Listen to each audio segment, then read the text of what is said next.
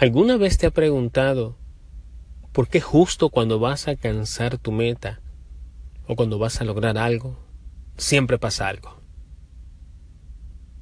Algo que no esperabas, algo que no tienes planeado, pensado, siempre pasa algo que evita que tú alcances tu meta o cumplas tu objetivo.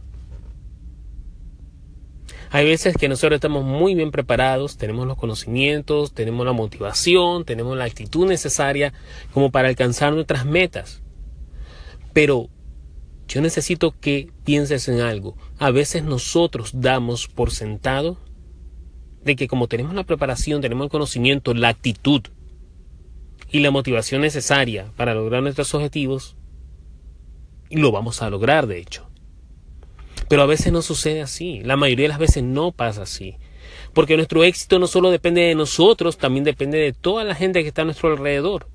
Y hay personas que nos apoyan a lograr y trabajan con nosotros para lograr esos objetivos. Pero hay otras, desafortunadamente, que no lo hacen.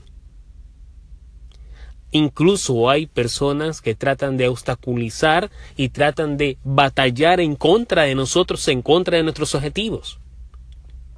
Por eso es importante que tú tengas en claro de que la oposición, de que fuerzas opositoras a tus sueños, a tus objetivos, existe. La oposición es real.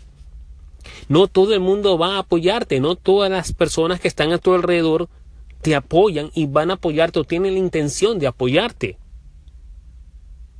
Incluso va a haber personas que tienen toda la intención de evitar de que tú logres tus objetivos. Por eso es muy importante, muy importante que tú tengas esto en mente. Prepárate, prepárate, ten los conocimientos, tu motivación, tu actitud, pero también prepárate para batallar con todas esas personas y con todas esas situaciones que puedan evitar que tú logres tus objetivos, porque la oposición, las controversias, los conflictos, los riesgos, los miedos existen, son reales.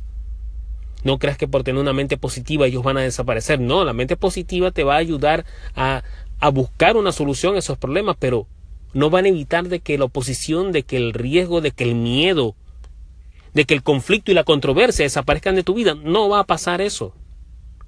No va a pasar eso.